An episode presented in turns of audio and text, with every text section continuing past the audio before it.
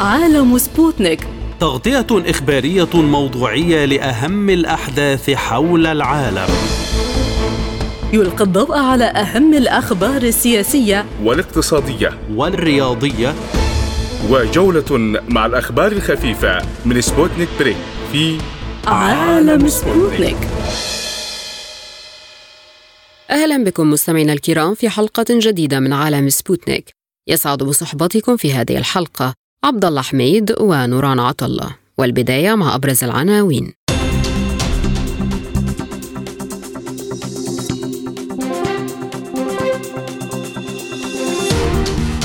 وزير الدفاع الإسرائيلي يطلب من وزير الدفاع الأمريكي أن يتم عزل مدينة رفح المصرية عن قطاع غزة عبر جدار. وزير الدفاع الإسرائيلي السابق يؤجج التوتر من جديد بتصريح قال فيه إن نحو مليون ونصف المليون من سكان غزة سيغادرون إلى سيناء المصرية. فصائل فلسطينية تتفق على قاعدة الكل مقابل الكل وترفض السيناريوهات الإسرائيلية والغربية لما بعد الحرب على غزة. إيران تقول إن حماس أبلغتها تأكيدا على إمكانية كافية لمواصلة المواجهة مع إسرائيل لأشهر عدة.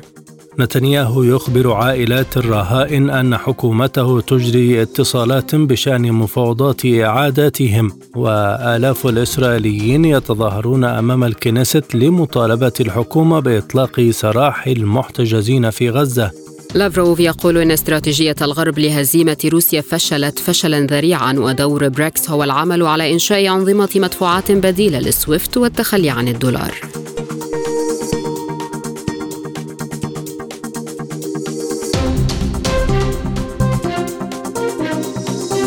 إلى التفاصيل.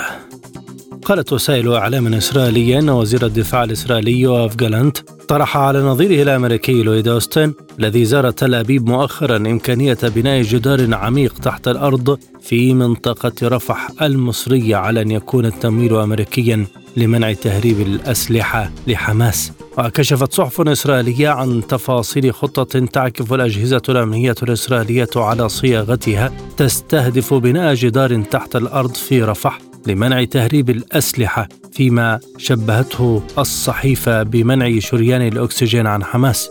يأتي ذلك في الوقت الذي قالت فيه مصادر مصرية إن مزاعم تهريب أسلحة من مصر إلى حماس غير صحيحة على الإطلاق خاصة أن السلطات الأمنية في مصر قامت منذ عام 2013 بإغلاق كافة الأنفاق الموجودة في سيناء في خضم مواجهة مصر للإرهاب والجماعات المتشددة. كما أشاروا إلى أن مصر سترفض أي خطط إسرائيلية لتنفيذ هذا الجدار أو إعادة الانتشار العسكري على الحدود معها. في سياق متصل بمصر أيضا قال أفيكدور ليبرمان رئيس حزب إسرائيل بيتنو الإسرائيلي إن حوالي مليون ونصف المليون من سكان غزة سيغادرون القطاع إلى سيناء المصرية. وأشار ليبرمان في حديث صحفي أن ما جرى في قطاع غزة هو أن المصريين حولوها إلى مشكلة إسرائيلية. ولن تتمكن إسرائيل من التعامل مع مشكلة غزة بمفردها على حد زعمه وذكر ليبرمان الذي شغل منصب وزير الدفاع سابقا في بلاده أنه على إسرائيل جعل مشكلة غزة أزمة عامة وليس خاصة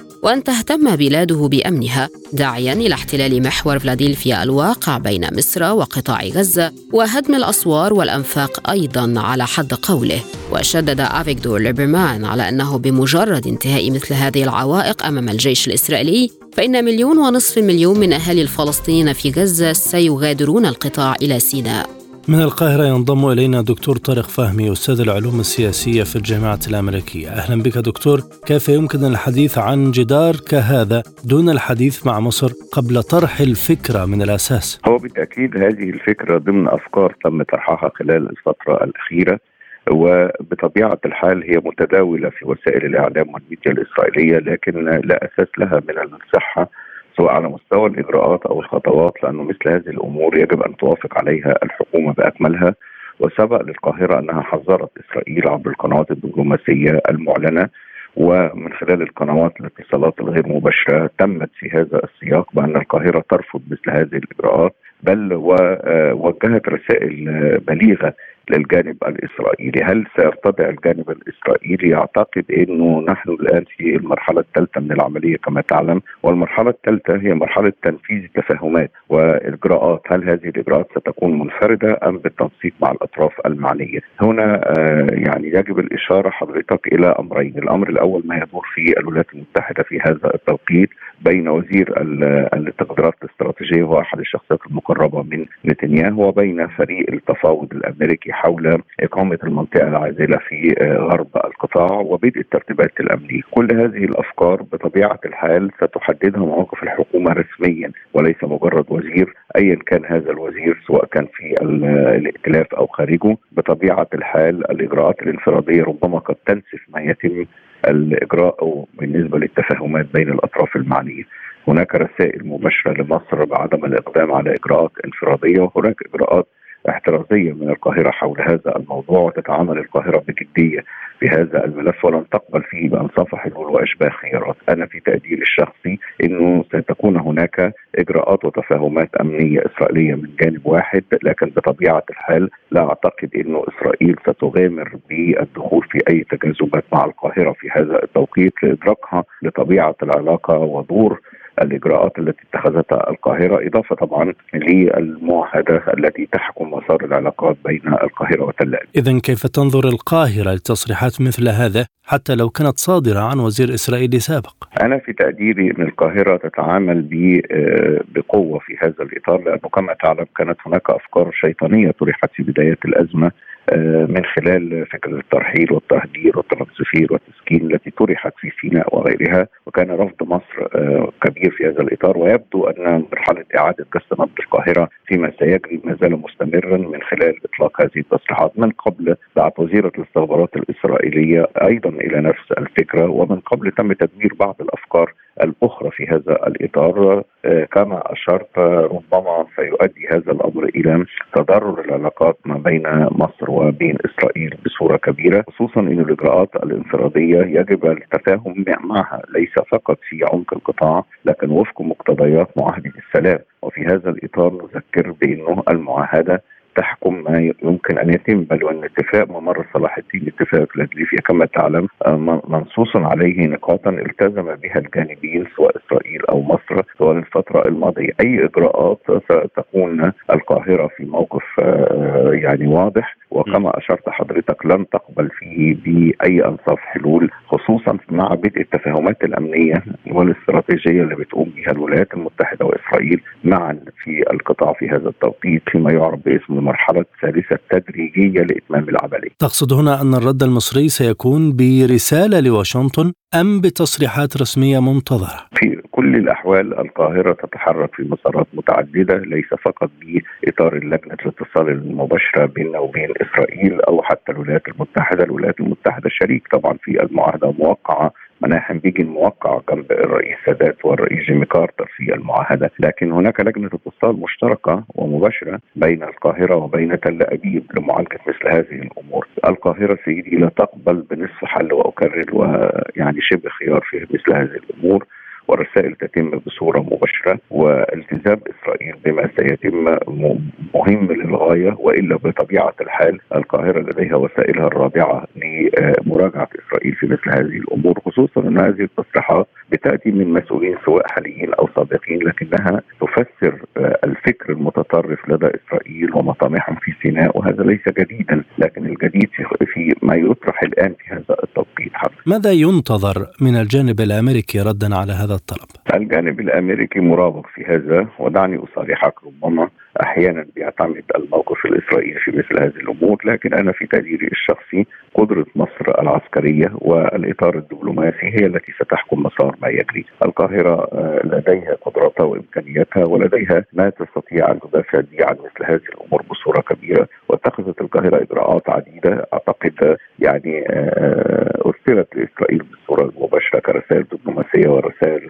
ردع مباشرة. وأذكر حضرتك بدءا من الاصطفاف للفرقه الرابعة آه، في وجود الرئيس السيسي ثم تصريحات وزير الدفاع في معرض السلاح حول ضرورة التزام إسرائيل بما بمقررات المعاهده وبالسلام إجراءات القاهرة في هذا مباشرة ومعلنة ولا تحتمل كما قلت أن نلجأ فيها إلى إجراءات انفرادية مقابلة. هناك اتهامات إسرائيلية لمصر بتهريب السلاح لغزة، هل آه، لهذه الاتهامات ردود مصرية؟ هذا أمر ليس جديدا آه، ولا أعتقد أنه يحمل جديه في هذا الإطار، هذه الاتهامات منذ سنوات طويلة منذ آه، الرئيس الراحل حسني مبارك ويكررون هذا الكلام المكرر الخالي من اي مضمون في هذا الإطار محاوله للزج بالقاهرة في كل ما يجري من تطورات وخصوصا وانه القاهرة منفتحة على الأطراف المختلفة، القضية ليست تهريب سلاح لكن محاولة لإدخال القاهرة في دائرة فراغ بما يحمل مصر تبعات ما يمكن ما يجري. القاهرة يقظة لمثل هذه الأمور ولديها آه، يعني إمكانياتها وقدرتها للرد على مثل هذه المزاعم التي تطلقها إسرائيل من آن لآخر ومن رام الله ينضم إلينا جهاد حرب المحلل السياسي الفلسطيني بعد التحية سيد جهاد لماذا يعود الحديث عن تهجير الفلسطينيين من غزة بهذا المستوى من مسؤول إسرائيلي سابق؟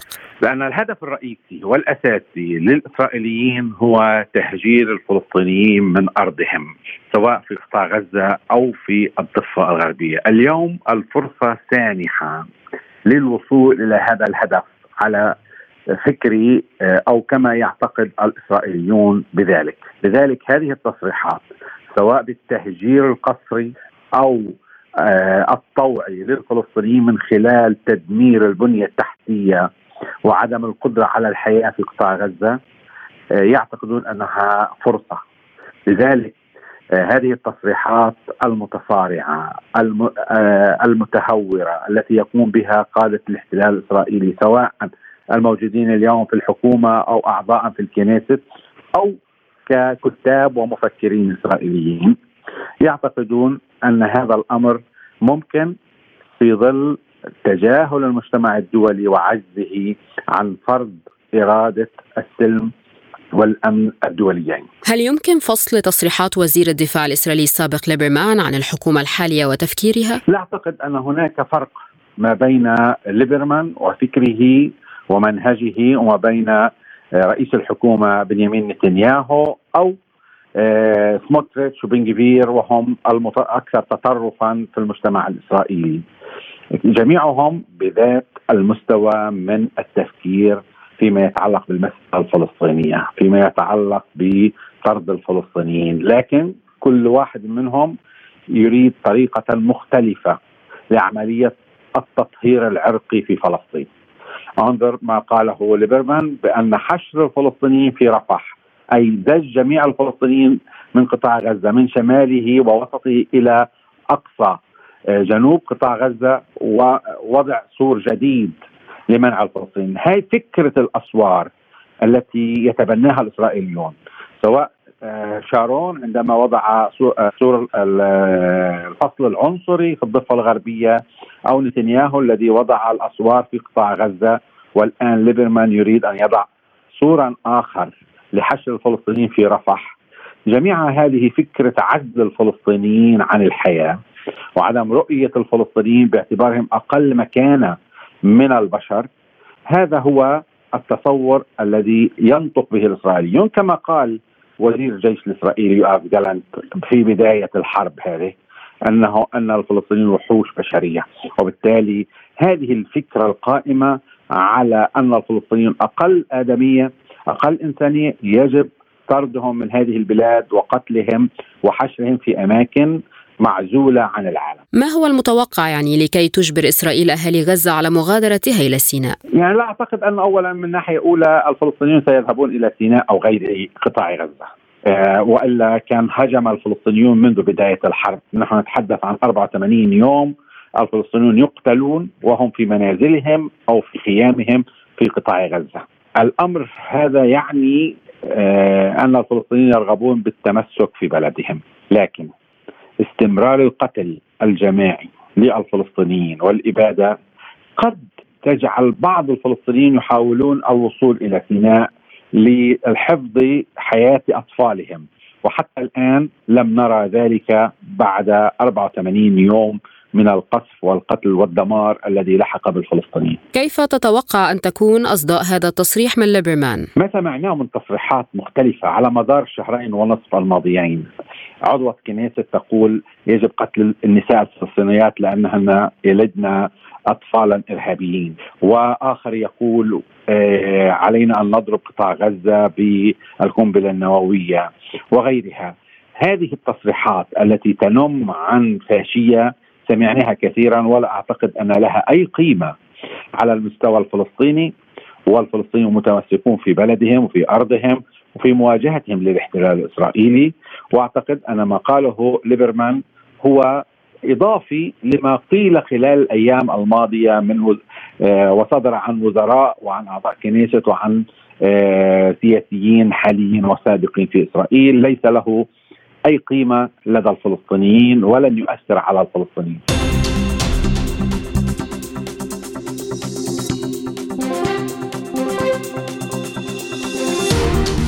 أعلنت حركة حماس أنها وأربع فصائل فلسطينية أخرى اتفقت على رفض السيناريوهات الإسرائيلية والغربية لما بعد الحرب على غزة داعية إلى حل وطني يقوم على تشكيل حكومة وحدة وطنية وأشارت بحسب بيان لها إلى أن الفصائل اتفقت على تطوير النظام السياسي عبر الانتخابات العامة والرئاسية وفق نظام التمثيل النسبي الكامل. وبحسب بيان حماس فإنها اتفقت مع حركة الجهاد الإسلامي والجبهة الشعبية لتحرير فلسطين والجبهة الديمقراطية والجبهة الشعبية لتحرير فلسطين القيادة العامة على أن وقف إطلاق النار وكل أعمال العدوان بشكل نهائي وانسحاب إسرائيل من قطاع غزة شروط قبل تبادل الأسرى وعلى قاعدة الكل مقابل الكل. وأشارت الحركة إلى أن الفصائل تدعو إلى لقاء وطني جامع وملزم يضم الأطراف كافة لتنفيذ ما تم التوافق عليه في الحوارات الوطنية السابقة ومواجهة نتائج الحرب الإسرائيلية على قطاع غزة. في الوقت نفسه رفض وزير الخارجية الإيراني حسين أمير عبد اللهيان المقارنة بين المقاومة الفلسطينية وتنظيم داعش الإرهابي. مؤكدا أن المقاومة حركة تحررية. وقال عبد اللهيان إن حماس أبلغت إيران أن لديها الإمكانية الكافية لمواصلة المواجهة لأشهر عدة مشيرا إلى أن إسرائيل تريد الحفاظ على ماء الوجه والخروج من هذه الحرب أقل الخسائر. وكشف عن رسالة من الولايات المتحدة الأمريكية بأنها لا تريد توسيع الحرب لافتا إلى أن طهران ردت. بأنها ليست بصدد توسيعها لكن واشنطن هي التي تفعل ذلك. وأضاف عبد اللهيان أن نهاية الحرب لن تكون بقرار أمريكي أو إسرائيلي وستكون الكلمة الأخيرة للشعب الفلسطيني مؤكدا أن المقاومة اليوم قوية وحزب الله وأنصار الله يقدمان الدعم لغزة. من بيروت ينضم إلينا دكتور أمين حطيط الخبير العسكري والإستراتيجي. بعد التحية دكتور كيف تتمسك حماس بموقفها ومطلب وقف الحرب تماما مع استمرار هذه الحرب الطاحنة على غزة؟ الواقع أن الموقف الذي تتخذه حركة حماس هو الموقف المنطقي والعقلاني لأن الفاتورة التي دفعتها حتى الآن القوى الفلسطينية ليست بالشكل الذي يمكن أن يتفاوض عليه أو يتساهل عنه. حتى الآن هناك أكثر من 22 ألف آه، شهيد وأكثر من 65 ألف جريح. فضلا عن أن نصف القطاع آه، إذا إن لم يكن أكثر هو مدمر. هذا ثمن باهظ جدا ينبغي أن تأخذ آه، الحركة مقابله. وهذا المقابل لا يمكن أن يكون إلا آه، في عناصر ثلاثة مجتمعة. العنصر الأول الاسرى ينبغي أن يفكوا أسرهم جميعا. والعنصر الثاني الانسحاب من القطاع وتركه لأهله والعنصر الثالث الحصار وفك الحصار. فإن لم تحقق حركة حماس هذا الأمر فإنها تكون آه، هزمت. وبالتالي بما أن إسرائيل عجزت عن تحقيق أهدافها وهي المهزومة فليس من المنطق آه، تفرط حركة حماس بقدرتها هي والمقاومة وفصائل المقاومة الأخرى. خاصة وان الذي يتعثر في الميدان ليس المقاومة. الذي يتعثر ويخسر في الميدان هي إسرائيل التي فضحت بشكل كبير في المسائل الميدانية على وجهيها الاستخباري والعملاني والقدرة على مواصلة القتال. فبالتالي من المنطقي أن تتشدد حركة حماس في شروطها خاصة وأنها قادرة على السير قدما في المعركة بشكل وبنفس أطول من نفس إسرائيل. هل يمكن أن يكون لدى حماس واستخباراتها معلومات تفيد بأن عملية عض الأصابع أوشكت أن تؤدي إلى تراجع إسرائيل؟ بشكل موضوعي نحن كمراقبين للمو... لما يجري نستطيع أن نقول أن المعركة الأساسية قد انتهت وفشلت إسرائيل في تحقيق أهدافها. والمسألة نعم صحيح آه، دخلت مرحلة عض الأصابع ويخسر من يصرخ أولا والذي يصرخ أولا يبدو أنه إسرائيل. والسبب في ذلك عائد إلى ثلاثة أمور. الأمر الأول إسرائيل لا تستطيع أن تصمت في الميدان وتتحمل الخسائر بالثمن الباهظ الذي آه، وصلت إليه. ثانيا إسرائيل لا تستطيع أن تتحمل مخاطر بقاء آه، الإسرائيليين بيد المقاومة مع الاشتباكات. المسألة الثالثة هي الجبهة الداخلية. الإسرائيلية التي تضغط والتي تتفاعل مع الضغوط الخارجية. هذه العناصر الثلاثة كلها تلعب لمصلحة حماس ومصلحة المقاومة الفلسطينية ضد المصلحة الإسرائيلية. لذلك آه، من المنطقي أن تثبت آه، المقاومة الفلسطينية وحماس في طليعتها على مواقفها الرافضة للتساهل أو للتفريط بالمكتسبات التي تحققت خلافا للخسائر التي تحققت في الجانب الإسرائيلي سواء كانت الخسائر المعنوية أو الاقتصادية أو الأمنية أو الديمغرافية ما حقيقة أن تكون حماس بالفعل مستعدة لاستمرار هذه الحرب لشهور أخرى كما تقول إيران؟ حماس عندما انطلقت في في عملياتها كانت قد أعدت نفسها لنظام دفاعي يصل إلى ستة أشهر. وقد قادت حربها بشكل مخطط خلال الثلاثة الأشهر الأولى وهي مرتاحة في الميدان.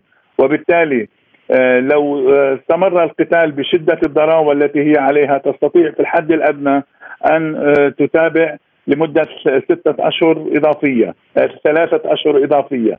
لكن يبدو أن شدة القتال ستتراجع ما يعني أن الأسلحة التي بحوزتها والقدرات التي بحوزتها تمكنها لمواصلة القتال لمدة أكثر من ثلاثة أشهر بينما إسرائيل لا تقوى على مثل هذه المدة. لذلك الوقت هو في صالح حماس وليس في صالح آه، إسرائيل. لكن لم تستبعد أن تضعف الإمدادات للفصائل خاصة مع سيطرة الجيش الإسرائيلي على كامل القطاع تقريبا. آه، أولا الجيش الإسرائيلي لم يسيطر على كامل القطاع. السيطرة الفعلية لم تحصل. آه، والخروقات التي حصلت آه، لا يمكن القول بأنها سيطرة تامة وفقا للمعايير العسكرية. هناك أكثر من 60% من القطاع آه، خارج المس أو السيطرة الإسرائيلية. والمنطقة التي تتراوح بين 20 و 30% من القطاع هناك سيطرة مجتزأة. أما السيطرة الفعلية التي لا التي يمكن أن يعتد بها فهي تتراوح بين 10 إلى 15% من كامل القطاع وهذا ليس من شأنه أن يؤثر على القدرات القتالية للمقاومة الفلسطينية. ما يجعلها تتمسك بشروطها وتتشدد في هذه الشروط.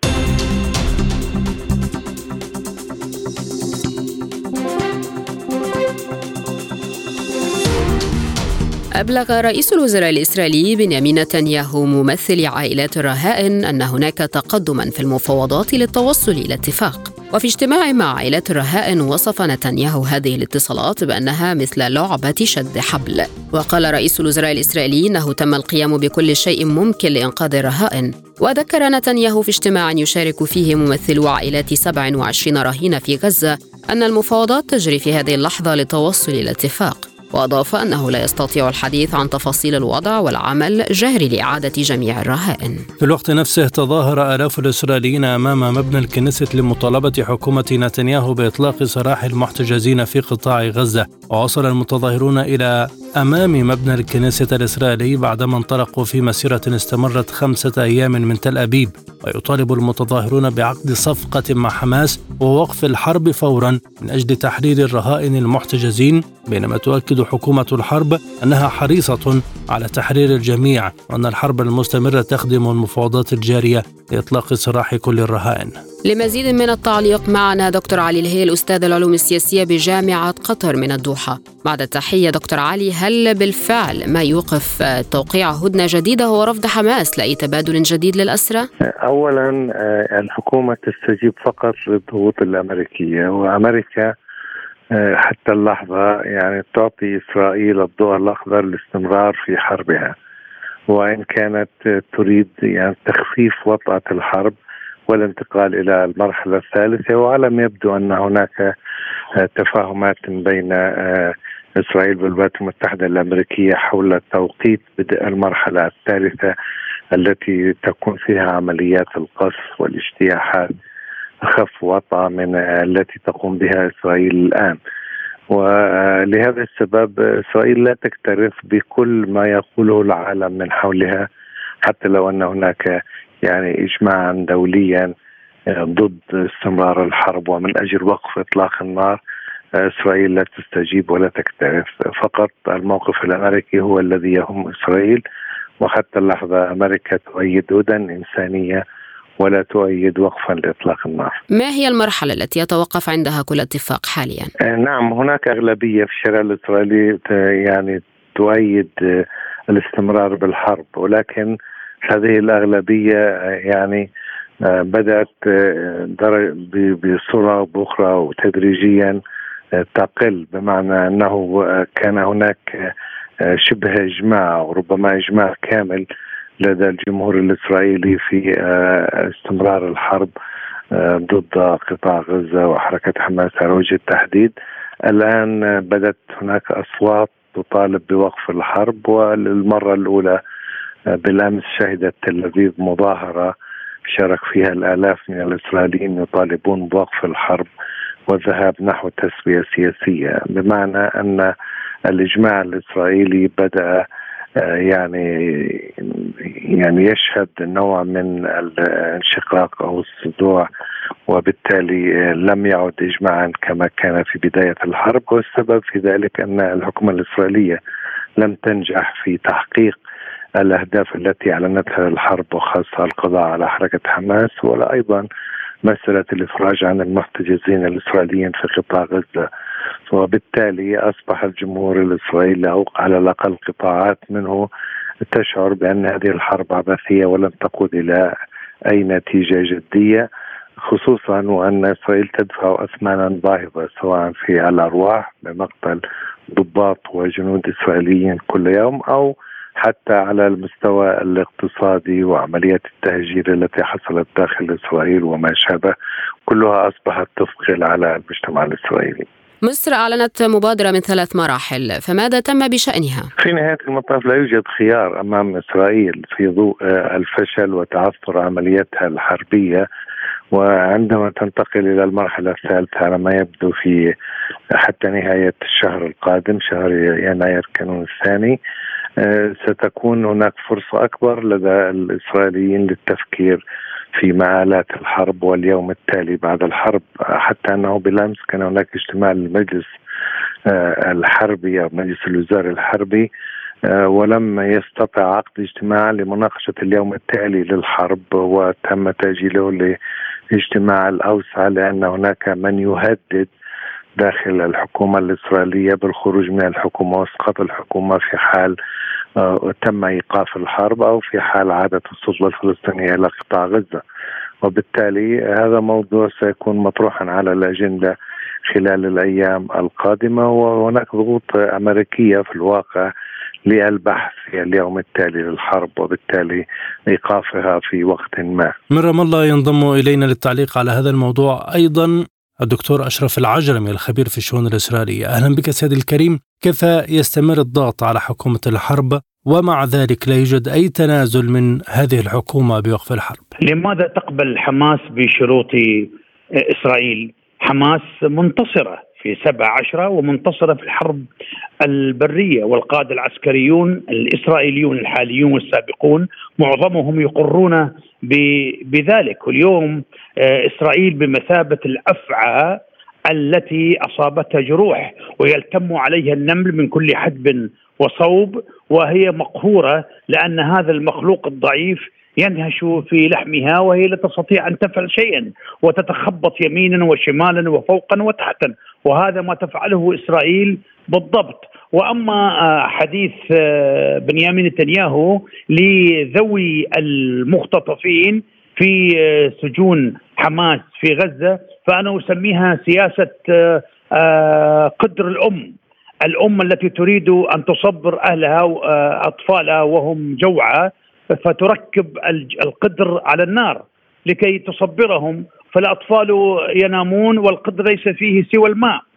وكلام نتنياهو عبارة عن قدر ليس فيه سوى الماء لأنه يريد أن يطيل أمد هذه الحرب غير عابئ لا بالسجناء آه الإسرائيليين في يد حماس ولا بالجنود والضباط الإسرائيليين الذين يتساقطون يوميا كالجراد على أرض غزة من قبل فصيل صغير جدا لا يحمل سوى أسلحة أقل من متواضعة. وتصنع محليا ولم ولم تكلف حماس وسرايا القدس والحركات الأخرى حركات المقاومة الأخرى سوى تقريبا 200 ألف دولار في حين أن إسرائيل الدولة النووية الوحيدة في العالم العربي والشرق الأوسط تدعمها ست دول نووية تدعمها أمريكا وتدعمها ألمانيا وبريطانيا وفرنسا وإيطاليا وكندا ومع ذلك هي منهزمة في الميدان وهذا أمر يصعب تحليله ويصعب تفسيره. ولذلك لا يمكن أن آه، في النهاية سيرضخ نتنياهو ومجلس حربه المصغر لشروط حماس لأنه متورط في الداخل عليه ضغط ولا ينام الليل بالمناسبة يعني إلا بالحبوب المنومة. لماذا؟ لأن عليه ضغط كبير جدا من قبل مئات الآلاف وليس عشرات الآلاف. الآلاف من الإسرائيليين الذين يزحفون يوما يوميا إلى القدس المحتلة آه، ويقفون أمام بيته يطالبونه بأن يفعل شيئا وهو لا يستطيع أن يفعل شيئا. هو ينتقل من فشل استراتيجي إلى فشل استراتيجي آخر. فشل هو راهن على القوة أنها سوف آه، سوف تقوم هذه القوة بمساعدته لاسترداد السجناء. ولكنه فشل في المرة الأخرى عندما حاول أن يستعيد باروخ الجندي الإسرائيلي وفشل في المرة الثانية عندما آه، قتل الأسرى آه، الثلاثة لدى حماس بقوته لأنهم مع أنهم رفعوا الرايات البيضاء ولكن لأن الذعر والخوف يسكن الجندي الصهيوني فهم قتلوا آه، نظرائهم وقتلوا مواطنيهم. نعم. برأيك هل ما زال الشارع الإسرائيلي بغالبيته يطالب باستمرار هذه الحرب والقضاء على حركة حماس رغم مرور نحو ثلاثة أشهر ولم يتحقق سوى قتل آلاف المدنيين؟ ليس سوى مرحلة واحدة. كل المراحل اللي يتحدث عنها نتنياهو كلام آه، في الهواء مبعثر في الهواء. لأنه لماذا يتحدث عن الانتقال من المرحلة الأولى للمرحلة الثانية؟ لا لا, الناس حتى يعني بالكومن سنس بالحاسة وبالبديهة، لا يتحدث الناس عن الانتقال من مرحلة إلى مرحلة إلا عندما تنجز أهداف المرحلة، هو لم ينجز أي إنجاز يقدمه للشعب الإسرائيلي يقول لهم أنا أنجزت، هو إنجازه الوحيد قتل الأطفال والنساء بالطائرات وبالطائرات هو لا يقاتل هو يقتل البشر والشجر والخض والحجر وهذه وهذا جبن وهذا ضعف لأن آه، المقاومة ليست لديها مدافع مضاده للطائرات وليست لديها طائرات فهو يقتل قتل حتى الآن أكثر من ثمانين ألفا بين قتيل بين شهيد وجريح ومفقود. هذه هذا هو الإنجاز. الذي قدمه لإسرائيل وللعالم ولذلك سمعة إسرائيل اليوم هذا ليس كلامي هذا كلام الجارديان وكلام اللوموند وكلام الفيجارو الفرنسية وكلام الغربيين الذين يدعمون آه، إسرائيل يقولون إن اليوم آه، سمعه إسرائيل below zero ليس عند ال zero ليس عند الصفر بل تحت الصفر وكذلك سمعه الولايات المتحدة الأمريكية التي نعتبرها نحن شريكا اساسيا في الحرب على غزة، الطائرات طائراتها والذخائر ذخائرها، الذخائر بلو 109 والذخائر إم كي 86 كل هذه الذخائر والقنابل ذات الألفي رطل. هذه القنابل التي ألقيت على غزة ألقيت على غزة أكثر من خمسين ألف قنبلة وهذه قنابل الولايات المتحدة الأمريكية. وألقي على على غزة أكثر من 200 ألف من طن من المتفجرات. وهذه كلها كلها أمريكية بريطانية ألمانية آه، فرنسية. وهذا وهذا يدل على يعني الأخلاق المتدنية لأمريكا ولألمانيا ولفرنسا ولبريطانيا ولإيطاليا ولكندا الذين يتبجحون بأنهم زعماء العالم الحر. وبأنهم وبأنهم رواد الديمقراطية وحقوق الإنسان وحقوق المرأة وهم وهم يوميا يشاهدون المرأة أشلاؤها تتبعثر فوق المباني وتحت المباني في غزة لأن الذي يحارب في غزة ليس فقط إسرائيل أمريكا قبل إسرائيل وأمريكا هي التي تدير الحرب وتقود الحرب. وكل الشواهد تقول ذلك بدليل انه أن بايدن قال إنه تحدث مكالمة طويلة مع نتنياهو ولكنه لم يطلب منه وقف إطلاق النار، يعني هو رجل سادي وهم كلهم ساديون الإسرائيليون والأمريكيون والآخرون الأوروبيون الذين يدعمونهم الدول الغربية ساديون لأنهم يحبون مشاهدة الطفل الفلسطيني الأطفال الفلسطينيين وهم يقتلون بعشرات الآلاف والنساء الفلسطينيات وهن يقتلن بعشرات الآلاف من طائراتهم وبذخائرهم. نعم. إلى أي مدى تتوقعون استجابة لهذه المطالب؟ هذه المراحل الثلاث المصرية آه لم تقبل من قبل حماس. حماس لديها شرط واحد. هي هي متفوقة في الميدان هي منتصرة في الميدان وهي تقول لا تفاوض حول الأسرى إلا بوقف شامل لإطلاق النار. هل تعلمين أن المراحل الثلاثة هذه كانت فخا وحماس انتبهت لذلك. وحتى ما تقوله إسرائيل عن أسبوعين هدنة هذا فخ آخر منصوب للمقاومة. هم يريدون إسرائيل تريد أن تأخذ أسراها جميعا. ال 1029 طبعا نقص منهم الكثير يعني حاليا يمكن في حدود 1020 120 جنديا. عفوا مش الألف 120 جنديا كانوا 129 أصبحوا الحين آه، حسب متابعاتي 120 أسيرا إسرائيليا تريد أن تأخذهم؟ ثم بعد نهاية أسبوعي الهدنة تدك آه، غزة دكا وتقتل المزيد وهي إبادة جماعية وانتقام واضح جدا ومرارة وحقد نتيجة هذا القصف الهمجي العشوائي النازي الذي تطلقه اسرائيل بمساعدة الولايات المتحدة الأمريكية وبريطانيا وفرنسا وألمانيا وكندا وإيطاليا وللأسف وهم الآن سمعتهم كلهم في تحت below zero below zero ولذلك في النهاية سيرضخ نتنياهو لشروط المقاومة كما رضخ لشروط المقاومة عام 2012 عندما كان في مصر حكومة ديمقراطية لأول مرة على مدى اثنتي عشرة ألف سنة وهو الرئيس مرسي كان موجودا في الحكم واستطاع واستطاع فصيل صغير الذي هو حماس أن يفرض شروطه على الدولة النووية الوحيدة تقريبا في الشرق الأوسط وفي العالم العربي. ومن خلالها أيضا فرضوا فرضت حماس شروطها على أمريكا وعلى بريطانيا وعلى فرنسا وعلى ألمانيا وعلى كل وإيطاليا وكندا وكل داعمي آه، إسرائيل كل داعمي إسرائيل من قوى الشر والطغيان. مستمعينا إليكم فاصل قصير وبعده نستكمل باقي جولات عالم سبوتنيك. عالم سبوتنيك يغطي جميع الأحداث السياسية والاقتصادية والرياضية حول العالم. على مدار ساعة تتابعون عالم سبوتنيك مع أهم خبراء التحليل السياسي والاقتصادي. نقترب معكم في متابعة دقيقة من القضايا السياسية والاقتصادية، كما نستعرض أهم الأخبار الرياضية والفنية والبيئية. انتظروا عالم سبوتنيك أيام الجمعة والسبت والأحد من كل أسبوع. ملفات ساخنة. برنامج يسلط الضوء على أهم القضايا الحرجة في العالم. في ملفات ساخنة نستعرض القضايا مع جميع الأطراف ومن كل الزوايا لاستجلاء الحقيقة. ملفات ساخنة يستضيف أهم الخبراء وأجرأ الضيوف. تابعوا ملفات ساخنة مع راديو سبوتنيك أيام السبت والثلاثاء والخميس من كل أسبوع. مستمرون معكم في هذه الحلقة من عالم سبوتنيك وهذه تذكرة بأبرز عناوين.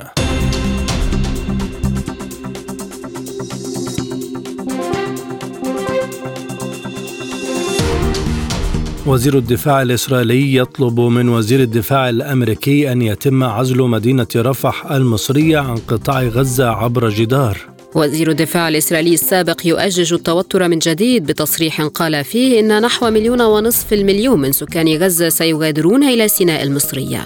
فصائل فلسطينية تتفق على قاعدة الكل مقابل الكل وترفض السيناريوهات الإسرائيلية والغربية لما بعد الحرب على غزة.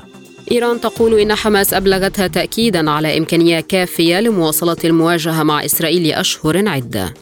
نتنياهو يخبر عائلات الرهائن أن حكومته تجري اتصالات بشأن مفاوضات إعادتهم وآلاف الإسرائيليين يتظاهرون أمام الكنيست لمطالبة الحكومة بإطلاق سراح المحتجزين في غزة لافروف يقول إن استراتيجية الغرب لهزيمة روسيا فشلت فشلا ذريعا ودور بريكس هو العمل على إنشاء أنظمة مدفوعات بديلة للسويفت والتخلي عن الدولار. مستمعينا نعود إليكم لاستكمال باقي فقرات عالم سبوتنيك.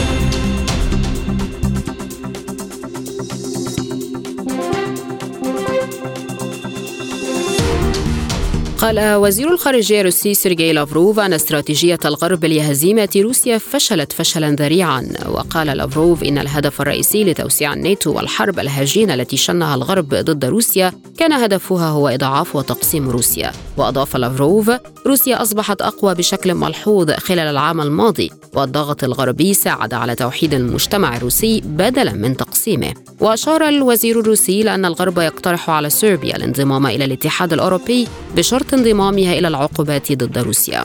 على الصعيد الاقتصادي أكد لافروف أنه لم يعد من الممكن الآن وقف التحرك نحو نظام اقتصادي أكثر عدالة مشددا على أن الجميع سئم من الدولار الذي تحول إلى وسيلة لتغيير الأنظمة. وقال لافروف إنه تم تحديد مهمة واضحة للغاية بل تم تقديم طلب لمنح أعضاء بريكس والدول النامية الأخرى من تلك التي نهضت اقتصاديا وماليا حصصا في صندوق النقد الدولي والبنك الدولي تعكس ثقلهم الاقتصادي الحقيقي لكن الغرب لا يريد ذلك وهو مظهر آخر لكيفية تشويه الولايات المتحدة الأمريكية لمبادئها الخاصة بالمنافسة العادلة. واوضح لافروف أن دور بريكس هو العمل على إنشاء أنظمة مدفوعات بديلة لسويفت والتخلي عن الدولار مشيرا إلى أن الجميع سئم بالفعل من الدولار الذي تحول لأداة نفوذ ووسيلة لتقويض المواقف التنافسية المشروعة للدول في مناطق مختلفة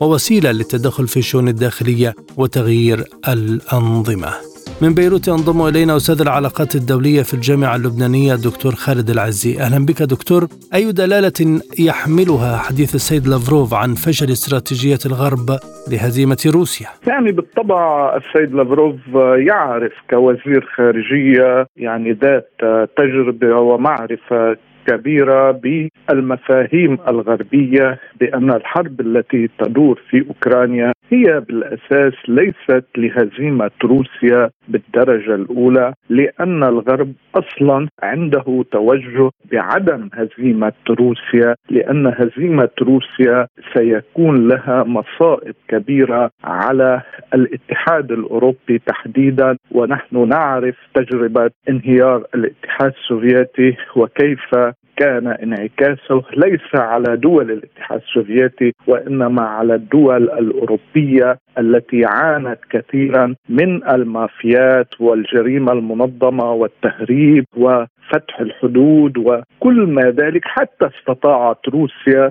أن تعيد أنفاسها وتحديدا في العام 1998 وهذه الحقبة الجميع ينظر لها لأن ما يريد الإنسان النظر بالمستقبل لابد العودة إلى التاريخ والترقب به من جديد، لذلك بنفس الوقت هو يعلم أن روسيا دولة كبيرة ودولة ذات قدرات عالية ولها قوة تصنيعية وقوة طبيعية وهناك عدد سكاني كبير. لذلك من الصعب أن ينخرط الغرب في المواجهة الغير مباشرة ويبني عليها بأنه يريد يعني هزيمة روسيا، لهزيمة روسيا يجب الدخول في عمل مباشر يعني في أن تكون هذه القوى الغربية وتحديدا بما يسمى حلف الناتو بالدخول بالصراع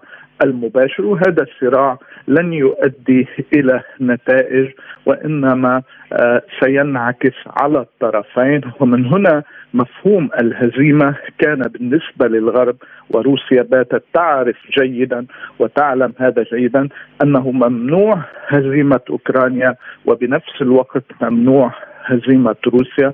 وربما هذا الحديث تلقفه الرئيس بوتين في حديثه مع الصحافة العالمية الذي دار في 14 ديسمبر مباشرة وألقى ب آه، يعني إشارات بأن روسيا لا تريد الصراع مع الناتو والدخول مع الناتو. وهذا يعني بأن هزيمة للطرفين وانهيار للطرفين والعالم اليوم يبني علاقاته على مستوى التنافس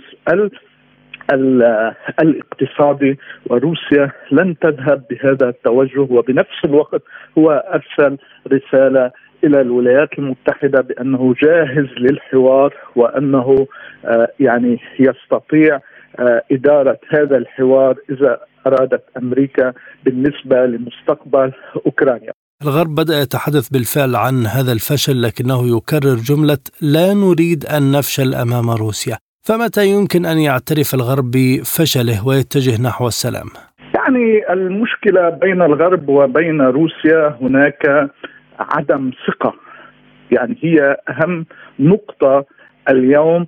الغرب يرى بأن روسيا لا يمكن الوثوق بها بالوقت الذي كان هذا الغرب قد انفتح على روسيا ووضع آه، يعني كل إمكانياته الاقتصادية والتجارية وفتح الأبواب وشرع الأبواب أمام روسيا وأدخلها في قمة الثمانية. وبالتالي روسيا يعني لقت نفسها بانها آه، يعني غير آه، قابلة لأن تنخرط في المشروع الغربي ولقت نفسها بأنها يجب الدفاع عن مصالحها عن دورها. المشكلة ليس بمن يعترف بأن انهزم أو لا يهزم. لابد من القول أن هذه الحرب في أوكرانيا خلال سنتين كان هناك حرب استنزاف كبير تحديدا لروسيا في جميع مجالاتها الاقتصادية وال يعني الدبلوماسية والمالية وحتى بمستوى الخسائر البشرية. ولا ننسى مشكلة التصنيع الغربي العسكري الذي كان التصنيع الغربي يحاول إفشاله طبعا بعد آه، أن آه، قالت روسيا في العديد من المرات واستعرضت قوتها العسكرية الصاروخية في سوريا ونجحت بذلك لكن في أوكرانيا أراد الغرب أن يقول أنه لا نجاح آه، أمام الأسواق الغربية. إذا المشكلة هي ليست بالنظريات والوقوف على الاعتراف وانتزاعها من الطرفين إنما الدخول بحوار جدي حول المصالح المستقبلية للأطراف عامة وايجاد نقطة يعني تمركز لتعيد الثقة لأن المشكلة القادمة هي مشكلة بيئية اقتصادية صحية أكثر ما هي مشكلة اقتصاد وسيطره وبالتالي السيطرة الاقتصادية هي التي تفرض تفرض نفسها من خلال الاستثمارات المالية التي تصبح الدول بحاجة لهذا المستثمر ولاقتصاده. ونحن نعرف بأن ألمانيا لا تملك أموال ولا لا تملك يعني نفط وغاز وهي خاضت الحرب مع الاتحاد السوفيتي واليوم هي اقتصاد رابع بالعالم اليابان هي اقتصاد ثالث. أما ال ال يعني القنبلة الديموغرافية الذي يصبح لها آه والاقتصادية يحسب لها حساب هو التطور الصيني السريع الذي آه يعني فاجأ الجميع وبات ينافس على السيطرة الاقتصادية عالميا لأن فلسفة الصين تقوم على هذه السيطرة. بريكس أمامها عام جديد بأعضاء جدد. هل يحمل هذا التوسع متغيرات للمجموعة والاقتصاد العالمي؟ يعني آن لروسيا أن تفهم نقطة جيدة بالاقتصاد هو أساس وبالتالي يجب أن تضع فلسفتها في السيطرة وفلسفتها في الاستثمار في عملية إنتاج وبلورة فكرة اقتصادية جديدة تشرك من خلالها القوى ال- التي تعتبر قوى منتجة عالميا من خلال خطة اقتصادية واضحة.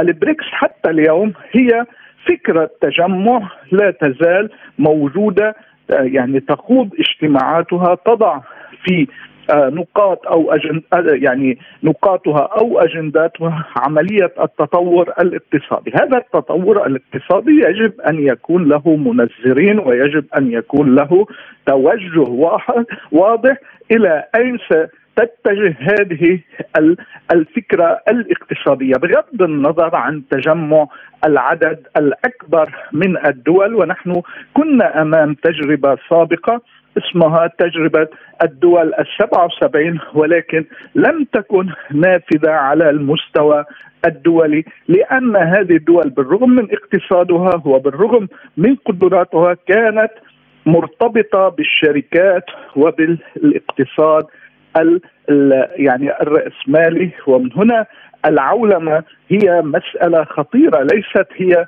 فتح أبواب يعني الاقتصاد أمام الدول وإنما هو ربط هذا الاقتصاد بعضه ببعض من خلال التكنولوجيا ومن خلال الثقافة ومن خلال الاتصالات. وهذا يعني أن عملية الربط في دولة يعني في مجموعة البريكس هي يعني عملية صعبة بغض النظر عن دخول هذه الأعضاء التي تحاول أن تجد لها منصات لتطل في في إطار التحالفات والمجموعات الدولية لأن مفهوم الدولة الواحدة اليوم في القرن الواحد وعشرين لم يعد يعني آه واضح لأن الجميع يتجه بحسب مفهوم التواصل الاجتماعي إلى العالم الافتراضي واليوم العالم الافتراضي هو المجموعات التي ترتبط ببعضها البعض من خلال أطر اقتصادية وثقافية وتكنولوجية. بالنسبة للضجر العالمي من الدولار الذي أصبح وسيلة أمريكية وغربية للضغط على الشعوب كما قال السيد لافروف هل بدأت خطوات عملية للتخلي عنه برأيك؟ يعني الدولار هو مسألة سياسية مسألة استقرار وليست مسألة ضجر لا نعلم جيدا أن الولايات المتحدة هي لا تزال بيدها هذا الدولار وهي تطبع لأن الشركات والاقتصاد العالمي مرتبط في البرامج الاقتصادية المستقرة في الولايات العامه. اذا لتنتج عمليا نوع جديد من عملة جديدة يجب أن تكون محمية باستقرار امني واقتصادي وبالتالي في عملية إيجاد الثقه لإدخال هذه العملة الجديدة لكي تكون منافسة. ونحن نرى بأن مثل كان هناك اليورو وعندما نزل اليورو كان تحديدا بدولار و 40 سنت يعني أعلى بكثير من الدولار. لكن الاقتصاد الأمريكي الذي لعب لعبات طويلة في العام 98 والعام 2008 والعام 2016 والعام 2022 كان الهدف تحطيم أي عملة يعني آه تكون بمواجهته لأنه لا يزال يملك الشركات يملك القرار الاقتصادي ونحن أهم شغلة نراها بالاقتصاد. هناك موقف دول تعارض العقوبات الاقتصادية لكنها لا تستطيع أن تفرض آراؤها على شركاتها التي تنسحب بالدرجة الأولى. وهناك دول من البريكس أيضا يعني مثل البرازيل والهند شركاتها تنسحب بالدرجة الأولى خوفا على أن تضيع الاقتصاد العالمي والمساحة الكبرى التي تتلاعب بها نتيجة وجودها في دولة معينة، لذلك هنا يعني هذه الفترة هي فترة حرجة جدا ويجب التأني بإنتاجها من خلال الاستقرار والثقة والأمن الاقتصادي. مستمعينا إليكم فاصل قصير وبعده نستكمل باقي جولات عالم سبوتنيك. عالم سبوتنيك يغطي جميع الأحداث السياسية والاقتصادية والرياضية حول العالم.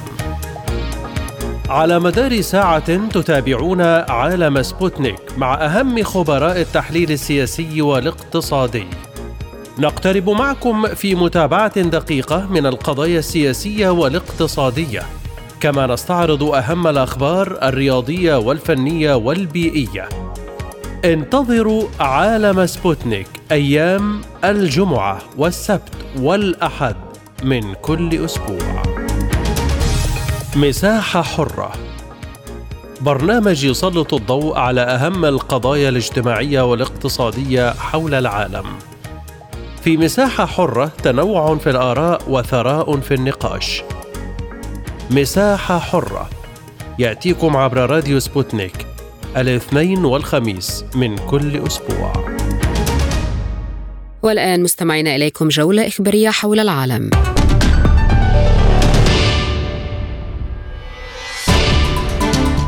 أعلنت وزارة الدفاع الروسية أن أنظمة الدفاع الجوي أسقطت طائرة من دون طيار أوكرانية فوق مقاطعة كورسك الروسية. وذكرت في بيان أنها أحبطت محاولة لنظام كييف لتنفيذ هجوم إرهابي باستخدام طائرة من دون طيار على أهداف في أراضي روسيا الاتحادية. وفي وقت سابق أعلن حاكم مدينة زيفستوبول الروسية ميخائيل رازوخفاغيف أن أنظمة الدفاع الجوي دمرت طائرة مسيرة فوق البحر الأسود قرب المدينة. نشرت وزارة الدفاع الروسية مشاهد تظهر استهداف مركز مراقبة أوكراني بصاروخ موجه على الضفة اليمنى لنهر دنيبر. وتظهر المشاهد قيام جندي روسي بتجهيز الصاروخ على الحافة اليسرى للنهر. تم إطلاقه باتجاه الهدف ويلاحظ في الفيديو تدمير مركز مراقبة أوكراني موجود في الضفة اليمنى من النهر حيث شهدت أثار انفجار الصاروخ. قتل الجيش الإسرائيلي عشرات الفلسطينيين وأصاب آخرين في قصف على عدة مناطق وسط وجنوب قطاع غزة. وذكرت مصادر طبية أن القصف أودى بحياة عشرين على الأقل. جراء قصف طائرات الاحتلال ومدفعياته عدة منازل في مخيم نصيرات وسط القطاع. وأضافت المصادر أن هناك عشرات المفقودين ما زالوا تحت أنقاض المنازل التي استهدفتها القوات الإسرائيلية. اقتحم الجيش الإسرائيلي مخيم الفارعة في طوباس بالضفة الغربية. وذكر التلفزيون الفلسطيني أن اشتباكات اندلعت مع اقتحام الجيش الإسرائيلي المخيم مشيرا إلى أن تعزيزات عسكرية توجهت نحو المخيم عقب اقتحامه. في سياق آخر ذكر التلفزيون الفلسطيني أن الجيش الإسرائيلي اعتقل عشرات الشبان خلال اقتحامه بلدة دير أبو مشعل في رام الله بالضفة. أعلن الجيش الإسرائيلي مقتل ضابط برتبة نقيب خلال المعارك الدائرة على قطاع غزة. وذكرت القناة الثانية عشر الإسرائيلية أن النقيب احتياط هرئيل شرفيت من قوات الاحتياط وهو ضابط في الكتيبة 7008 قتل خلال المعارك الدائرة شمالي غزة. وبذلك يرتفع عدد قتلى الجيش الإسرائيلي المعترف بهم رسميا إلى 502 قتيلا منذ السابع من أكتوبر تشرين الأول 2023 أعلنت الشرطة الإسرائيلية إصابة شخصين جراء عملية طعن عند حاجز أمني جنوب مدينة القدس. وبحسب صحيفة هآرت أصيب إسرائيليان جندي وحارس أمن مدني بجراح طعن قرب حاجز المزمورية الأمنية جنوب مدينة القدس مساء الخميس. وقالت خدمات الطوارئ التابعة لنجمة داوود الحمراء في البداية إن الضحيتين هما رجل وامرأة في العشرينيات من العمر وإنهما في حالة متوسطة. أعلنت حركة حماس أن وفدا منها يتوجه إلى القاهرة لتقديم ملاحظات بشأن المقترح المصري لإنهاء الحرب الإسرائيلية على قطاع غزة. وقال مسؤول من حماس إن الوفد سينقل للقاهرة رد الفصائل الفلسطينية الذي يتضمن جملة من الملاحظات. وكانت مصر قد أعلنت أنها قدمت مقترحا يتضمن ثلاث مراحل متتالية ومرتبطة معا تنتهي إلى وقف إطلاق النار في غزة لافتا إلى أنها لم تتلقى حتى الآن أي ردود على المقترح. في الختام إليكم تذكرة بأهم ما جاء في عالم سبوتنيك. وزير الدفاع الإسرائيلي يطلب من وزير الدفاع الأمريكي أن يتم عزل مدينة رفح المصرية عن قطاع غزة عبر جدار. وزير الدفاع الإسرائيلي السابق يؤجج التوتر من جديد بتصريح قال فيه إن نحو مليون ونصف المليون من سكان غزة سيغادرون إلى سيناء المصرية. للمزيد زوروا موقعنا سبوتنيك إلى اللقاء.